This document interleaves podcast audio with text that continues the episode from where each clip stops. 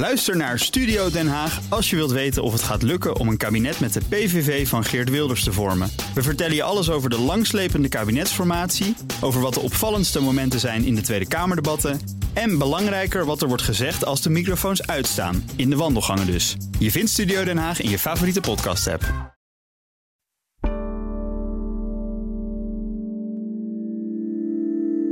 Ja, Martin, het is echt, ik denk wel eens ooit, waar ben ik in terechtgekomen? Ja, ja, dat kan ik me voorstellen, ja. Maar het is van, ik zag dat het niet klopte. Ik heb het tegen Gerard Sandring gezegd. Toen had ik wel het idee dat het niet klopte, maar dat het zo'n grootschalige Ja. fraude zou zijn, Martin. Ja, dan Ja. gaat het, het, het, het is gewoon een compleet netwerk. Je hoort Rian van Rijbroek, een omstreden en zelfverklaard cyberexpert.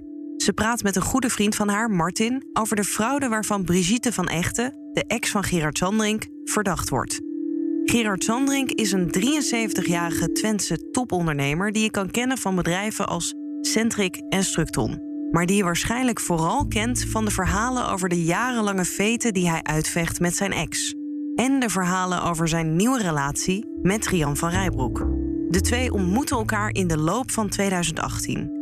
En sinds hij haar kent, ziet zijn omgeving een andere Gerard Sandrink. Hij heeft mij eerder wat dingen gezegd als... eh, eh, soms denk ik dat ik de enige ben in dit land die de waarheid spreekt. Dus hij, hij ziet zelf ook echt wel een verandering die er geweest is. Maar hij ervaart dat zelf als dat hij een, ja, een soort slachtoffer is van een heel groot complot. Hij ervaart dat als dat, dat de omstandigheden veranderd zijn en niet hij zelf. Ja, en de mensen om hem heen ervaren het alsof hij is veranderd. Eh, ja. ja, en dat is misschien ook wel iets logischer. Gerard Sandrink denkt dat zijn ex, Brigitte van Echten, miljoenenfraude heeft gepleegd bij zijn zonnepanelenbedrijf waar zij toen directeur was. Zijn ex, Brigitte van Echten, ontkent dat ze fraude heeft gepleegd, maar Sandrink lijkt daar toch heilig in te geloven. Al jarenlang gaan zij rechtszaal in en rechtszaal uit. Inmiddels mag hij deze beschuldigingen ook niet meer uiten van de rechter. In achtergesloten deuren hoor je het verhaal van Gerard Sandrink. Hoe de privéstrubbelingen van deze topondernemer zijn imperium raken. Over de opmerkelijke e-mails die hij is gaan versturen naar hooggeplaatsten. En wat voor rol zijn nieuwe vriendin, Rian van Rijbroek, hierin speelt. Ik ben Paulien Huster en dit is aflevering 2. De ondernemer en de meesterhacker. We zijn aanbeland op het moment in het verhaal dat de 52-jarige Rian van Rijbroek het leven van Gerard Sandrink binnenkomt wandelen. En deze ontmoeting gaat grote gevolgen hebben voor zijn bedrijven Structon en Centric. Enorm belangrijke bedrijven voor Nederland. Structon is een van de grootste spoorwegbouwers en Centric is voor veel gemeentes een onmisbaar onderdeel van hun IT. Hij is zo verknoopt geraakt met zijn, met zijn bedrijven dat privé en zakelijk voortdurend door elkaar heen lopen. We kregen wel eens brieven van lezers die, dan, die dan aan ons vroegen van ja, waarom hebben jullie toch steeds over die privézorgers van die Sandring? Wat interesseert mij dat nou? In alle oprechtheid, en ik zal niet ontkennen dat er sensationele kanten aan dit verhaal zitten en dat dat natuurlijk ook rode oortjes oplevert bij ons en bij de lezers. Maar je kunt daar eigenlijk ook niet echt omheen, omdat het Sandring is zijn werk. Dit is Joris Polman, onderzoeksjournalist bij het FD. Hij doet al jarenlang verslag van de gebeurtenissen rondom Gerard Sandrink, samen met Stijn van Gils, techverslaggever bij het FD. Stijn hoorde je net al even vertellen over de grote verandering die Gerard Sandrink doormaakte toen Rian van Rijbroek in zijn leven kwam. Reden destijds voor hem om een profiel te maken over deze zelfbenoemde cyber-expert. Daarvoor heb ik ook Gerard Sandring benaderd. Dat viel nog niet mee, want hij had eigenlijk nooit tijd. Ik, eh, ik had via via wel zijn telefoonnummer gekregen. En op een ochtend belde hij eh, per ongeluk terug. Want ik had, ik had hem een paar keer geprobeerd te bellen. En ja, omdat hij mij belde, voelde dat gesprek misschien voor hem een beetje anders. En toen kon ik hem overtuigen om, eh, ja, om hem wat langer te spreken. Want hij dacht dus dat jij iemand anders was, of hij... Ik, ik, ik, ik denk het. Ik, ik weet het niet. In ieder geval, eh, ik nam de telefoon op en hij zei iets van... Oh, het was niet de bedoeling om te bellen. Iets- Iets in die hoek. En, en hoe heb je hem dan overgehaald om toch langer te praten? Nou, het, het, het, was toen voor een profiel over eh, Rian van Rijbroek. En, en vanaf het begin af aan is de kritiek op Rian van Rijbroek wel groot geweest. Vooral na dat optreden in, eh, in Nieuwsuur, eh, waarin ze een hoop feitelijke onjuistheden melden. En Sandrink was daar ook op dat moment al, al redelijk verbolgen over. En ja, hij hoopte met het, het gesprek met mij dat dat negatieve beeld over Rian van Rijbroek wat recht te kunnen zetten. Ja, is dat gelukt? Um, denk het niet, want hij was niet blij met, uh, met het resultaat van, van het profiel. Toen het gepubliceerd was, uh, belde hij vrij laat in de avond nogal boos op over het profiel.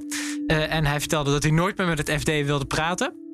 en toen zei ik van nou, het is, het is nogal laat. zullen we hier morgen nog even over bellen? en dat vond hij toen goed. En daarna heb ik nog een heel, heel ja, best wel lang contact met hem gehad. nu eigenlijk niet meer. En, en wanneer is eigenlijk een moment gekomen dat jullie elkaar niet meer spraken? Oeh, dat is niet zo heel zwart-wit geweest. Het is nu eigenlijk gewoon dat hij de telefoon niet meer opneemt. En hij heeft wel gezegd van, van, ik wil nooit meer met het FD praten. Dat, dat heeft hij volgens mij ook wel meerdere keren gezegd. Maar, maar dat, dat is volgens mij niet heel nadrukkelijk het moment geweest dat hij niet meer met het FD praatte. Ja, het, het is eigenlijk gewoon dat, uh, uh, ja, dat, dat zijn telefoon niet weer wordt opgenomen. En, en dan hoor ik ook via via dat hij, uh, dat hij een ander nummer zou hebben wat ik niet heb. Dus ik, ik, ik weet eigenlijk niet precies waarom we niet meer contact hebben. Rian van Rijbroek had begin 2018 net een boek uitgebracht, geschreven met oud-minister Willem Vermeend. En toen verscheen ze ook op de landelijke televisie in een inmiddels beruchte nieuwsuuruitzending. Ze was uitgenodigd als cybersecurity-expert om het te hebben over DDoS-aanvallen bij Nederlandse banken. En nu zijn uh, hebben diverse geldautomaten geld uitgespuugd op bepaalde tijdstippen. En die zijn door geldezers, zijn dat, is dat geld opgehaald. Ik zat dat s'avonds te kijken en mijn mond viel open van wat is dat?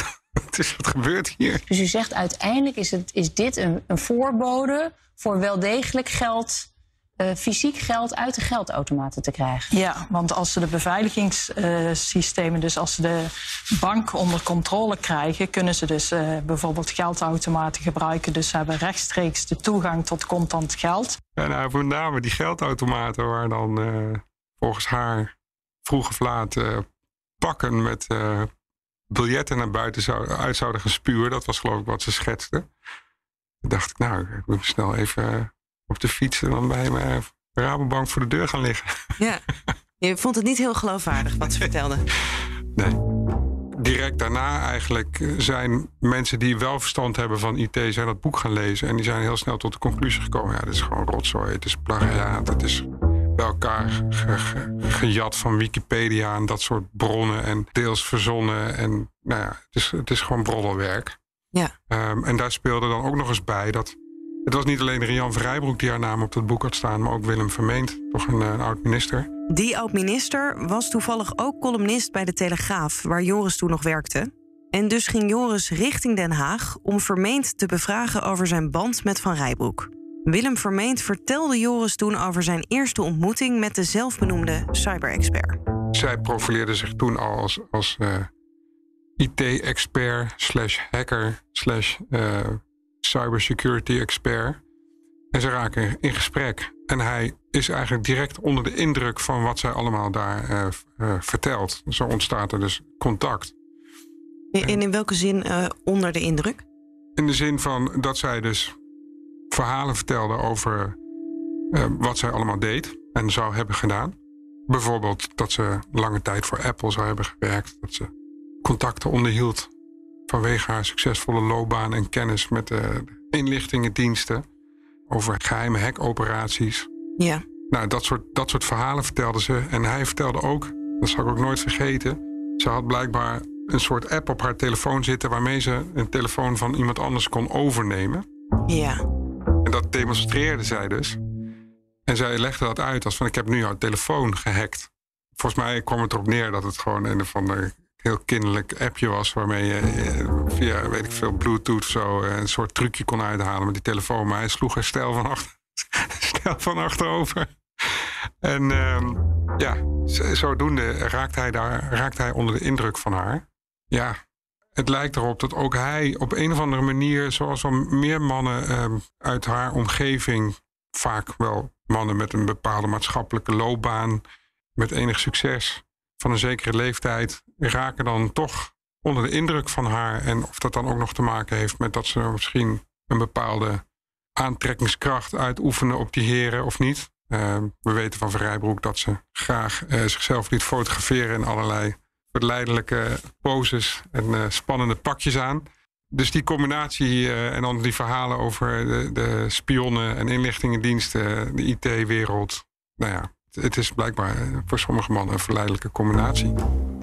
Vrouw, cybersecurity, boek, allemaal uh, aantrekkelijke dingen voor een, uh, een, podcast of een radio- of televisieprogramma over, over techniek. makkelijk vulling van, van je zendtijd, om zo te zeggen. Hè? eenvoudig te maken. En, en dus verleidelijk om te doen. Je hoort technologiejournalist Herbert Blankenstein, die samen met IT-ondernemer Ben van der Burg de podcast De Technoloog maakt. En vlak voor haar nieuwsuuroptreden was Rian van Rijbroek te gast in de Technoloog. Herbert kreeg een persbericht over haar nieuwe boek. Hij las het recensie-exemplaar, daar werd hij niet veel wijzer uit. En in het daaropvolgende telefoongesprek kon Rian van Rijbroek hem ook niet echt uitleggen wat smart blockchain nou precies is. Ik dacht op dat moment, moet je horen, we, hebben, eh, we nodigen haar uit voor de technoloog. Dat is een programma waarin we een uur de tijd hebben. Ben en ik zijn met z'n tweeën. Als wij iets niet snappen, dan uh, vragen we gewoon door. Net zolang tot we het wel snappen. Zo gaan we het doen. En moet wel gek lopen, wil dat niet gaan lukken. En is dat gelukt? Nee.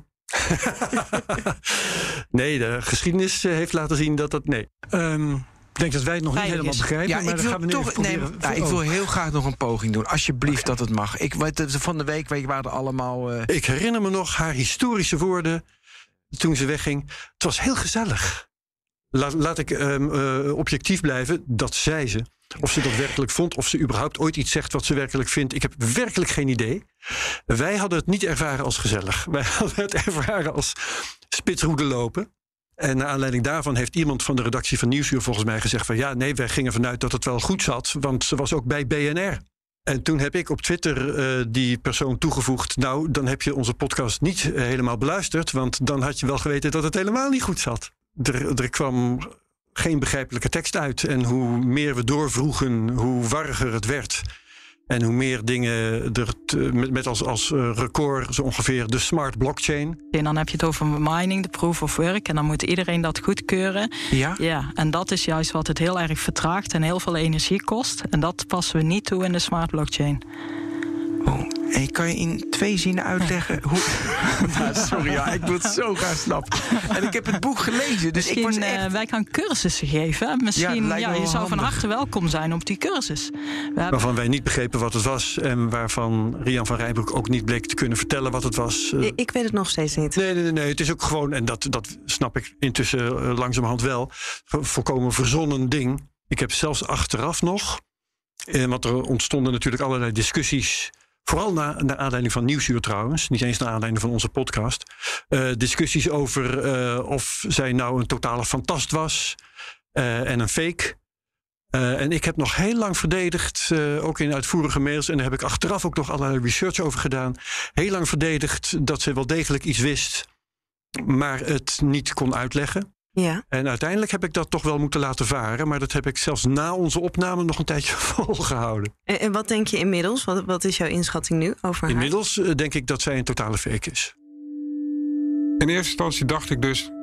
zij is een manipulator. Zij is een golddigger. Zij, zij laat een spoor van vernielingen achter... en, en, en uh, gebruikt mannen uh, om, uh, om daar zelf beter van te worden telkens ook mannen met een bepaalde maatschappelijke positie en van een zekere leeftijd, die daar kennelijk dan op dat moment ook gevoelig uh, voor zijn. En dat voelt zij feilloos aan.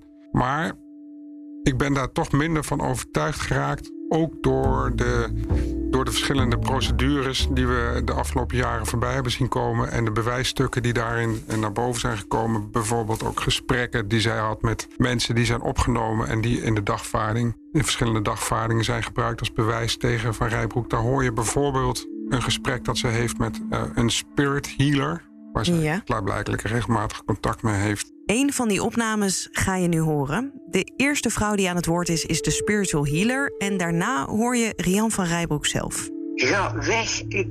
Neus niet. Want die mannen... Ja? Dat is een waarschuwing alvast, hè?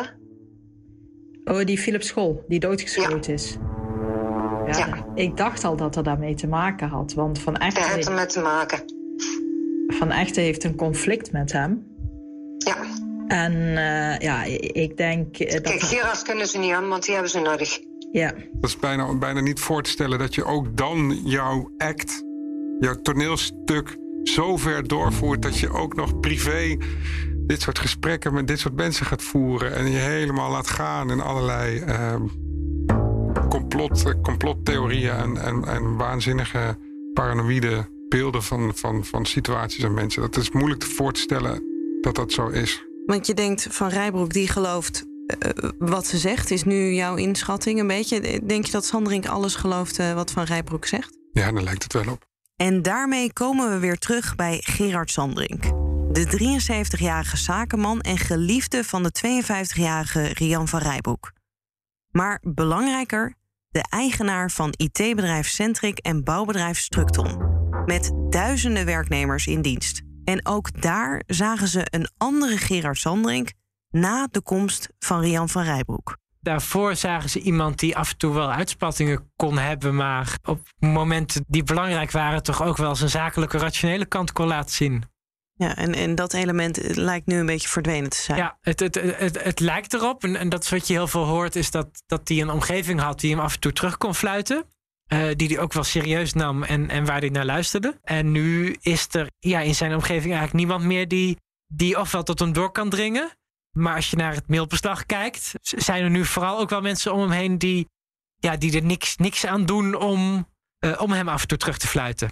Om af en toe te zeggen van nou, dan ga je wel erg ver met je beschuldigingen. Of misschien moeten we dit onderzoek, dit zoveelste onderzoek maar even niet doen. Die onderzoeken waar Stijn het over heeft, kijken naar de ex van Gerard Sandrink, Brigitte van Echten, die hij verdenkt van fraude. En hiermee hoopt Sandrink bewijs te vinden voor zijn verdenkingen. Hij heeft ook onderzoek laten doen door de prominente Zuidas-advocaat Aldo Verbrugge, ook voormalig officier van justitie. Daar is ook een onderzoeksrapport op een gegeven moment van gekomen. Daarvan weten we inmiddels dat, dat, uh, dat, dat Verbrugge nauw heeft samengewerkt met, daar lijkt het toch althans op, met, met Van Rijbroek zich heel erg heeft laten voeden door haar met allerlei informatie over wat er al dan niet mis zou zijn gegaan. Nou, als je dat op een rijtje zet, het vervaardigen en verspreiden op commerciële manier van pornografie, uh, het stelen van geld, uh, frauderen met ontwikkelingshulpprojecten in Afrika. Het is een hele waslijst van beschuldigingen die op enig moment in het rapport zijn uh, opgenomen door die advocaat. Ja, en inmiddels, um, het is civielrechtelijk onderzocht, niet strafrechtelijk, maar mag hij niet meer die beschuldigingen uit, omdat er in ieder geval geen grond is gevonden om, om dat te blijven zeggen? Nee, de procedures die daarna zijn ontstaan, die zijn nu zover dat, dat, dat, dat de rechter dat heeft vastgesteld dat het een lastelijk rapport is. Het, is. het is gestoeld op valse beschuldigingen, is geen bewijs. En het is eigenlijk alleen maar bedoeld om iemand heel erg te beschadigen. Sandrik heeft daar heel lang aan vastgehouden, heeft het ook op verschillende momenten gepubliceerd en aan andere mensen gedeeld en verspreid. En dat is niet de enige manier waarop Gerard Sandring zijn ex Brigitte van Echten beschuldigde van fraude. Hij deed dat ook per mail. Dat weten we door een beslaglegging op zijn mailbox. Voor deze podcast spraken we met de advocaat van Brigitte van Echten, Paul Cham, die per se de e-mails van Gerard Sandrink wilde lezen. Wat wij dachten te vinden was dat er beschuldigingen zouden staan over mijn cliënten die met de buitenwereld uh, waren gedeeld. We hadden namelijk al een aantal voorbeelden ervan, maar heel weinig. En ons vermoeden was dat er veel meer mails waren gestuurd. En beschuldigingen van wat? Ja, beschuldigingen over uh, het veroorzaken van de fieldinval, van fraude, uh, noem maar op. Wij wisten ook niet precies wat voor beschuldigingen allemaal. Zaterdag 2 mei 2020, 15 uur 31. Geachte heer Grapperhaus, hierbij de verbanden tussen Brigitte van Echten, haar vriend Silime Alfusani, journaliste Angelique Kunst van Tubantia en hun moslimleider Omar CC van ISA. Onze indruk is dat Brigitte van Echten en Angelique Kunst in de greep zitten van deze moslims, de ISA. En dat onder druk van deze Afrikanen, Brigitte van Echten en Angelique Kunst, ons terroriseren met beslagen, procedures en negatieve teksten in de media. Met vriendelijke groet, Gerard Sandering. En zeg ik het goed als jullie vermoeden dat uh, die e-mails niet alleen vanuit Gerard Sandering komen, maar ook vanuit zijn nieuwe vriendin Rian van Rijbroek? Ja, dat zeg je correct. Want men zou denken, ja, die mails worden verstuurd vanuit Gerard Sandring zijn, e-mailaccount. Dus je zal snel denken van, oh ja, die mails zijn dus verstuurd door Sandring. Maar dat is dus niet zo. Hoe het zit is als volgt.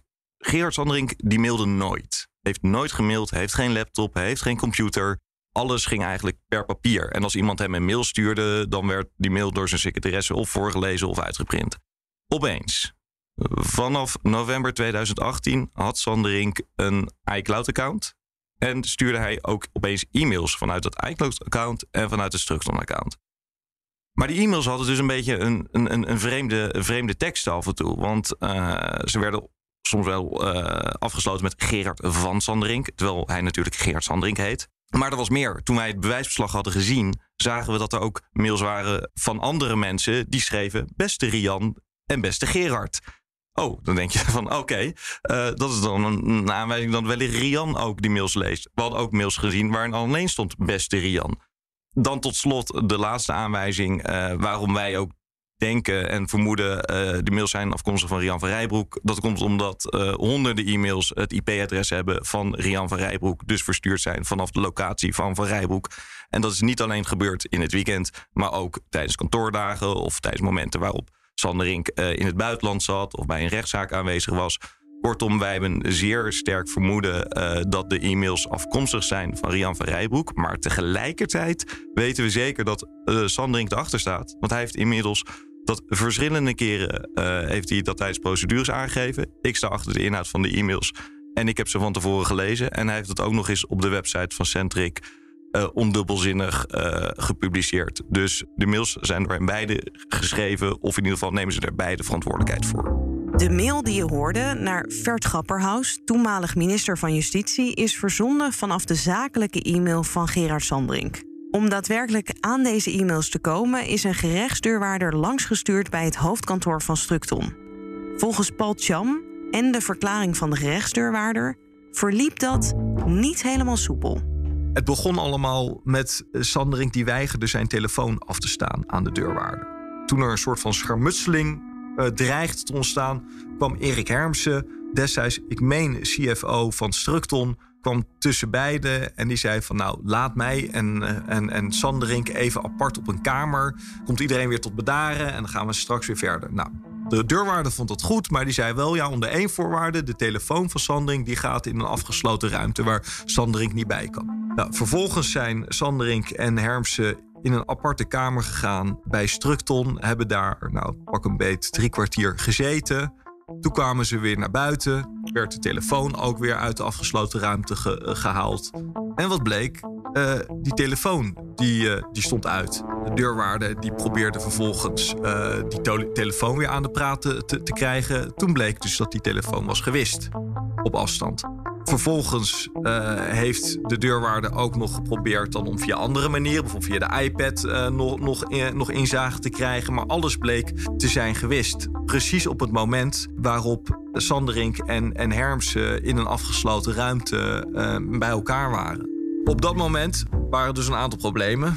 Want er was ook beslag gelegd op alle WhatsApp-berichten, maar die waren er dus niet meer. Die stonden op de telefoon. Er was ook een probleem omdat de iCloud rechtstreeks toegankelijk was via de telefoon, maar dat kon dus ook niet meer. Natuurlijk kan je de iCloud nog wel op andere manieren kan je nog wel bereiken, maar Sanderink die weigerde de juiste wachtwoorden en inlognamen te, verstrekken, waardoor ze daar ook niet in konden. En dat heeft uiteraard ook uiteindelijk gevolgen gehad voor, voor bijvoorbeeld de, de dwangsommen.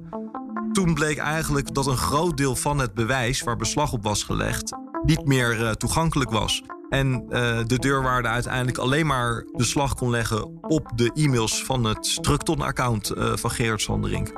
De deurwaarder is voor het goede begrip, dat is een door de rechter ingezworen overheidsdienaar. Dus dat is niet zomaar iemand die, als hij dat zegt en hij legt het zwart wit en tekent dat, dan heeft dat dus juridische uh, betekenis. Ja, dus misschien voor Gerard Sanderink niet per se de meest betrouwbare persoon, een overheidsfunctionaris. nee, voor hem niet, nee. nee. nee. Maar dat geeft dus wel aan hoe giftig het allemaal is. En uh, daarin zie je dus ook nou, die twee-eenheid Sanderink van Rijbroek. Waarbij Van Rijbroek dus ja, in staat is om zomaar zo'n telefoon van een CEO van een aantal hele belangrijke bedrijven op afstand gewoon eventjes te wissen. Dat ja. is toch opmerkelijk. In de volgende aflevering van Achter gesloten deuren. Centric, het IT-bedrijf waar Gerard Sandring groot aandeelhouder is, mengt zich in de juridische strijd tussen Sandring en Brigitte van Echten. Het bedrijf heeft, naar eigen zeggen, miljoenen verloren door de ruzie. Je zegt als bedrijf al twee, drie jaar, we hebben hier niks mee te maken. Uh, Sanderink is weliswaar onze eigenaar, maar die staat op afstand. We blijven er ver van. We zijn een, een degelijk en een goed functionerend bedrijf. We hebben niks met Van Rijbroek te maken, niks met Sanderink te maken. Behalve dat hij onze eigenaar is. En dat is het. En dan ga je vervolgens dus wel je laten gebruiken, tussen aanhalingstekens, vraagteken erachter, uh, om dit te voorkomen, dit, dit, de verkoop van bezittingen van Sanderink. Het is mij niet duidelijk, maar daar lijkt het nog sterk op.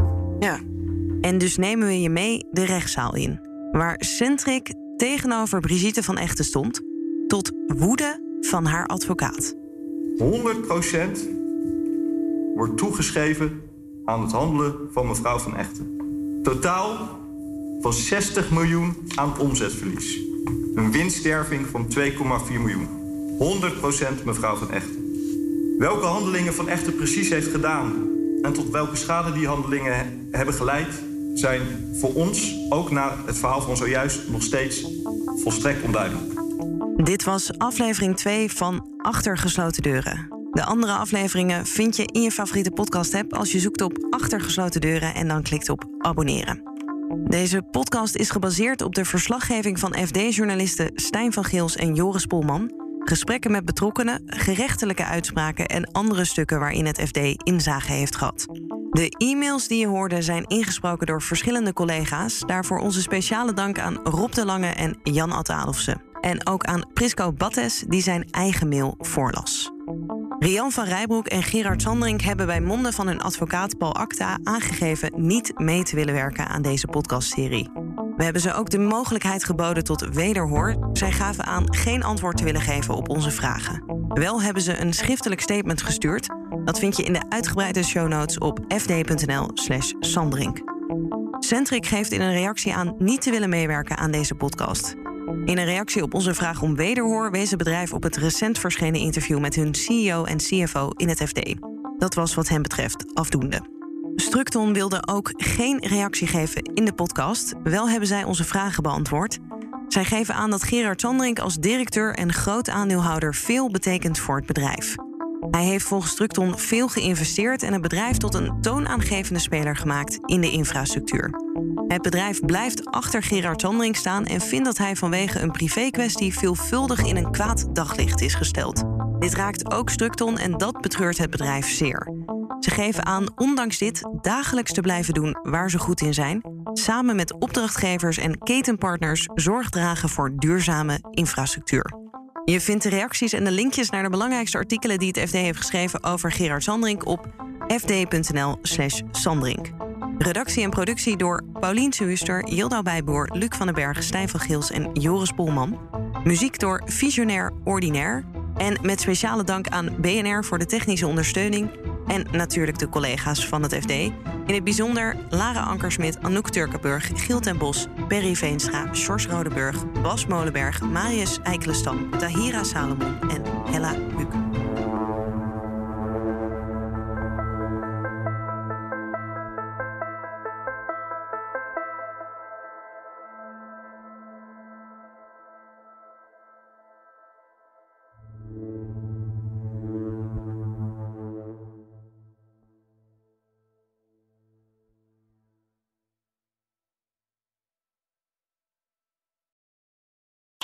Ook Diana Matroos vind je in de BNR-app. Ja, inderdaad. Je kunt live naar mij luisteren tijdens de Big Five. Ook handig in de BNR-app. Breaking nieuwsmeldingen, maar ook het allerlaatste zakelijke nieuws. En je vindt in de app alle BNR-podcasts, waaronder Wetenschap Vandaag. Download nu de gratis BNR-app en blijf scherp.